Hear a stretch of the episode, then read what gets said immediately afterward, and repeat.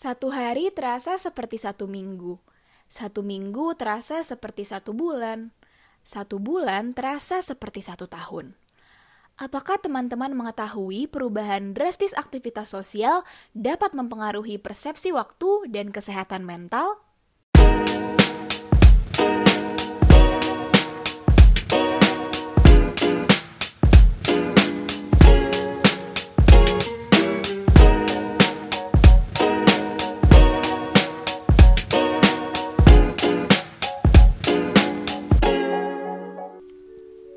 Halo teman-teman, saya Arga Tria dan ini adalah podcast skema FK Unhas for COVID-19. Jadi, pada kesempatan kali ini kita mau bahas tentang kesehatan mental di era pandemi COVID-19 dalam rangka memperingati Mental Health Awareness Month. Pada Desember 2019, kasus pertama COVID-19 di Cina dilaporkan oleh pemerintah setempat. Sejak saat itu, angka penderita COVID-19 terus meningkat dan menyebar secara global. World Health Organization atau WHO sendiri sudah menetapkan COVID-19 sebagai pandemi pada bulan Maret 2020. Di Indonesia sendiri, kasus pertama dikonfirm pada awal Maret. Setiap hari, pemerintah mengumumkan jumlah kasus terbaru dan jumlah kematian. Awalnya hanya dua digit, lalu tiga digit, sekarang berubah menjadi lima digit. Pemerintah tentunya tidak tinggal diam. Pemerintah memperlakukan berbagai kebijakan seperti perilaku hidup bersih dan sehat, anjuran social distancing, dan pembatasan sosial berskala besar atau PSBB sebagai upaya menekan laju penyebaran COVID-19. Dampak dari kebijakan tersebut menimbulkan perubahan aktivitas maupun kebiasaan masyarakat secara signifikan. Tempat-tempat umum ditutup, kegiatan umum ditiadakan, pekerjaan dan pendidikan dirumahkan. Tidak lupa pula, berbagai sektor ekonomi vital dihentikan. Jika sebelumnya kita dapat bertemu sanak saudara, kolega, maupun teman secara fisik, COVID-19 memaksa kita untuk melakukan segala sesuatunya serba online. Hiburan, rutinitas, serta support sosial yang dulu sering kita dapatkan sangat-sangat dibatasi dengan adanya pandemi ini. Dalam artian sempit, COVID-19 telah mengubah segalanya. Alhasil, timbul kekhawatiran akan ketidakpastian pekerjaan, pendidikan, serta hiburan selama pandemi ini. Timbul pula pertanyaan dalam benak, sampai kapan? Waktu memang jadi masalah unik di tengah pandemi ini. Teman-teman sendiri mungkin merasakan bahwa kadang hari terasa sangat panjang. Kalau iya, kalian tidak sendiri. Fenomena ini yang disebut sebagai the oddball effect bukanlah hal yang baru. Jika kita merasakan atau mengalami sesuatu yang berbeda dari biasanya, otak kita akan memproses lebih lama dan menyimpan informasi yang lebih banyak tentang kejadian itu, sehingga kita merasa waktu berjalan lebih lama dari biasanya. Di tengah pandemi ini, banyak informasi-informasi serta berita yang terus kita dapatkan. Wajar saja kita merasakan waktu lebih panjang dari biasanya. Dengan minimnya aktivitas dan juga adanya distorsi waktu ini, ternyata berdampak pada kesehatan mental kita. WHO menyatakan bahwa angka stres dan ansietas meningkat sejak masa pandemi terjadi. Ketua Departemen Kesehatan Mental WHO, Devora Castle, mengatakan bahwa isolasi, rasa takut, ketidakpastian, dan masalah ekonomi dapat menyebabkan tekanan psikologis. Jadi apa sih yang harus kita lakukan agar kita dapat menjaga pikiran kita dari hal-hal tersebut? Ayo kita dengar penjelasan dari Dr. Suhera Syauki, spesialis kedokteran jiwa, yang merupakan salah satu dosen Fakultas Kedokteran Universitas Hasanuddin mengenai hal ini. Assalamualaikum warahmatullahi wabarakatuh. Perkenalkan saya Dr. Andi Suhera Syauki, dokter spesialis kedokteran jiwa dosen di Fakultas Kedokteran Universitas Hasanuddin. Terima kasih kepada tim Kema Fakultas Kedokteran Unhas ya for COVID-19 yang sudah mengundang saya sebagai salah satu narasumber kali ini. Nah, dari tim Kema COVID-19 ini menanyakan tema tentang kesehatan mental di era pandemi. Nah, salah satunya bertanya bagaimana fenomena perubahan persepsi waktu selama pandemi dan efeknya terhadap kesehatan mental. Oke. Nah, sejak virus COVID-19 itu mewabah di Indonesia, kegiatan-kegiatan seperti sekolah, perkantoran itu harus dihentikan untuk sementara waktu. Jadi banyak orang saat ini harus bekerja di rumah karena imbauan pemerintah untuk bekerja dari rumah. Oleh karena itu banyak orang kini menghabiskan waktu di rumah saja dalam waktu terjauh lebih lama dari biasanya. Apalagi kegiatan di luar rumah itu sangat penting untuk dibatasi ya, kecuali ya karena ada keperluan mendesak supaya mencegah penularan COVID-19. Nah, sebagian orang mungkin merasa nyaman bekerja dari rumah, namun tidak sedikit yang merasa bosan hingga mengalami stres. Nah, sebenarnya jadwal rutinitas kita sebenarnya tidak perlu berubah meskipun tempat bekerja kita atau beraktivitas itu berubah. Jadi misalnya uh, jadwal bekerja atau bangun dulu ya, bangun tidur. Biasanya kalau kita kerja di kantor atau sekolah kita biasanya kan harus bangun pagi banget tuh. Nah itu tetap dibiasakan dipertahankan rutinitas itu. Jadi meskipun kita bekerja dari rumah tetap kita bangunnya seperti saat sebelum adanya pandemi begitu juga dengan uh, aktivitas aktivitas hendaknya menjaga rutinitas jadi tetap konsisten dengan kegiatan yang biasanya Anda lakukan. Jadi seolah-olah memang bekerja meskipun tempatnya di dari rumah. Jadi bangunlah pada waktu yang biasanya Anda lakukan. Buat meja kerjanya terhindar dari gangguan agar tetap fokus gitu ya. Karena penting untuk diingat bahwa stres adalah hal yang umum yang berakibat menurunkan produktivitas dan mengancam kesehatan fisik maupun mental. Itu tadi ya. Jadi memang banyak sih efeknya ya untuk kesehatan mental karena uh, bosan tinggal di rumah ya jenuh. Jadi kalau misalnya bosan di rumah bolehlah keluar rumah ya. Keluar rumah. Meskipun itu cuma di sekitar rumah tapi tetap pakai masker ya, menjaga jarak misalnya. Kalau misalnya ketemu dengan tetangga bukannya tidak ngobrol tetap bisa ngobrol kan tapi tetap jaga jarak yang aman gitu karena memang sekarang selama pandemi COVID-19 ini ada perubahan perilaku ya. Perilaku apa yang berubah yaitu tadi keluar rumah kita harus pakai masker wajib pakai masker yang kedua jaga jarak ini yang penting nah itu perilaku yang baru sebenarnya yang akan menjadi kebiasaan kita nanti. Nah, jadi begitu penjelasan dari Dr. Suheira. Lebih lanjut lagi mengenai efek pandemi terhadap kesehatan mental, WHO menyatakan bahwa adanya pandemi bisa meningkatkan stres dan ansietas. Beberapa survei nasional yang sudah dilakukan di beberapa negara seperti Amerika, China, dan Iran menemukan tingginya angka populasi yang mengalami tekanan psikologis pada pandemi ini. Di salah satu wilayah di Ethiopia, keluhan gejala depresi meningkat hingga tiga kali lipat dibandingkan sebelum pandemi. Perubahan yang terjadi secara drastis ini dapat memberikan dampak langsung terhadap kesehatan mental seseorang. Hal ini lebih signifikan efeknya pada orang-orang yang memiliki riwayat gangguan mental ataupun penyalahgunaan zat. Apa saja efek dari pandemi pada orang-orang dengan gangguan pada kesehatan mental? Tindakan apa yang harus kita lakukan untuk menjaga kesehatan mental selama masa pandemi ini? Yuk kita dengar penjelasan dari Dr. Suheira.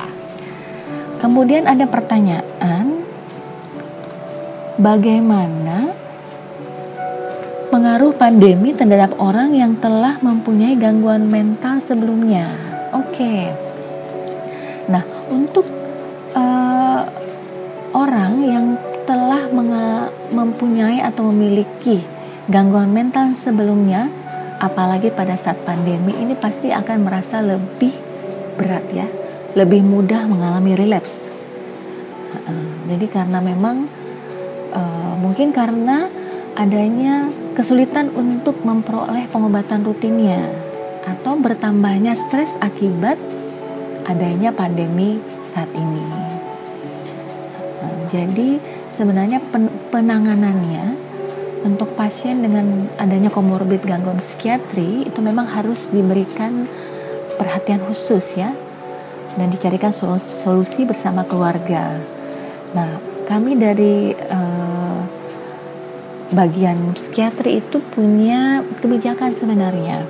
Jadi biasanya salah satunya contohnya adalah pemberian jatuh obatnya mungkin bisa diperpanjang ya, tapi tetap melibatkan pengawasan dari keluarga atau melakukan pemantauan yang lebih ketat sesuai derajat keparahan penyakitnya misalnya.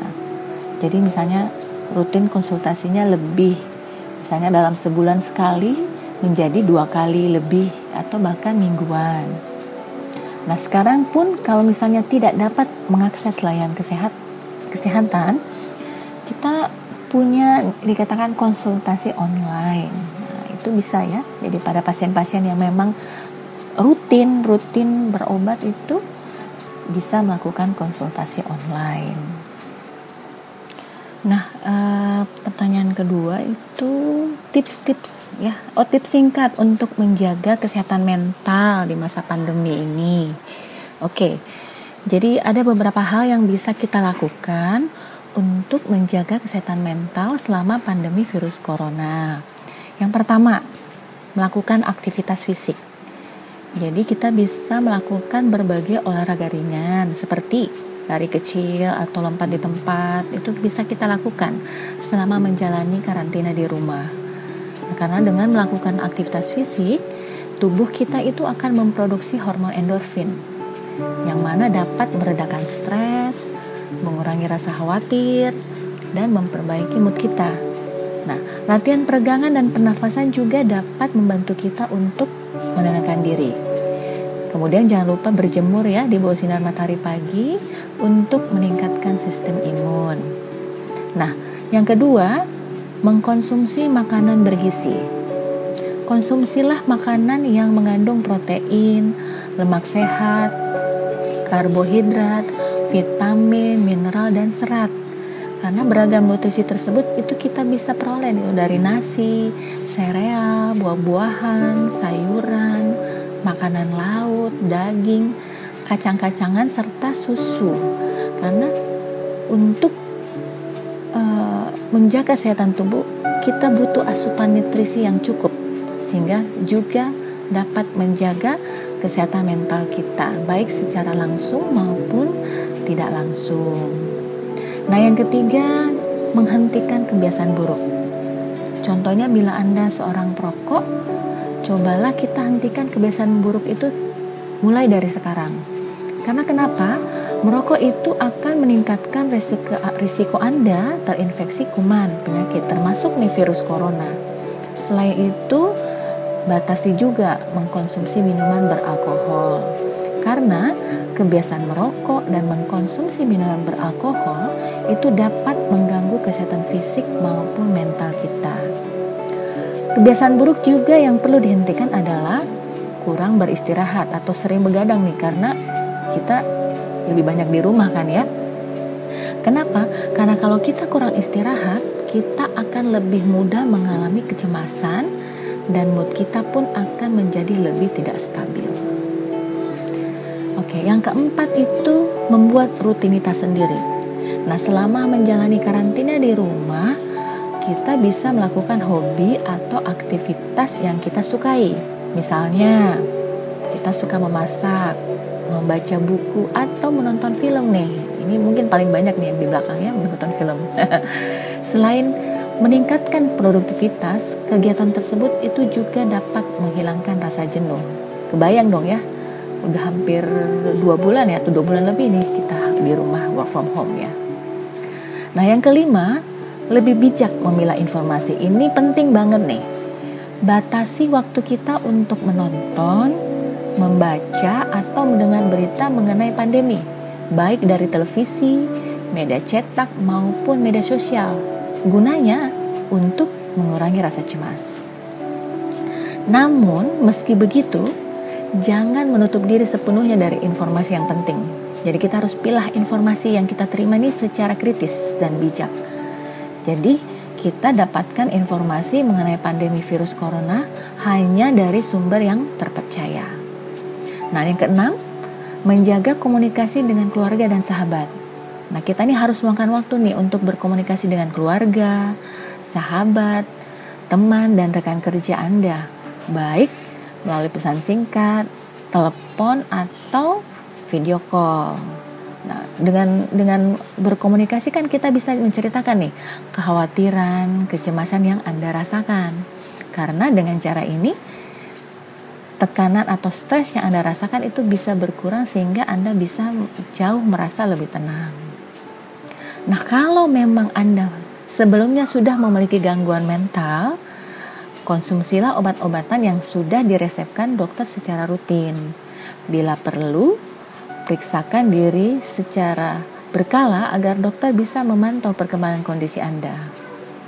Nah, rasa takut dan cemas memang normal kita rasakan selama pandemi seperti ini. Namun, cobalah untuk selalu berpikir positif dan bersyukur. Nah, jika stres yang jika stres atau ketakutan yang Anda alami terasa itu sangat berat, jangan ragu untuk berkonsultasi dengan psikolog atau psikiater ya. Oke, saya rasa terima kasih sudah cukup informasi mungkin ya dari saya. Lebih dan kurangnya dimohon maaf. Terima kasih. Assalamualaikum warahmatullahi wabarakatuh. Nah, itu adalah penjelasan dan beberapa tips dari Dr. Suheira yang bisa kalian gunakan agar dapat menjaga kesehatan mental. Aku juga punya beberapa kegiatan nih yang bisa kalian lakukan untuk menyibukkan diri di masa pandemi ini.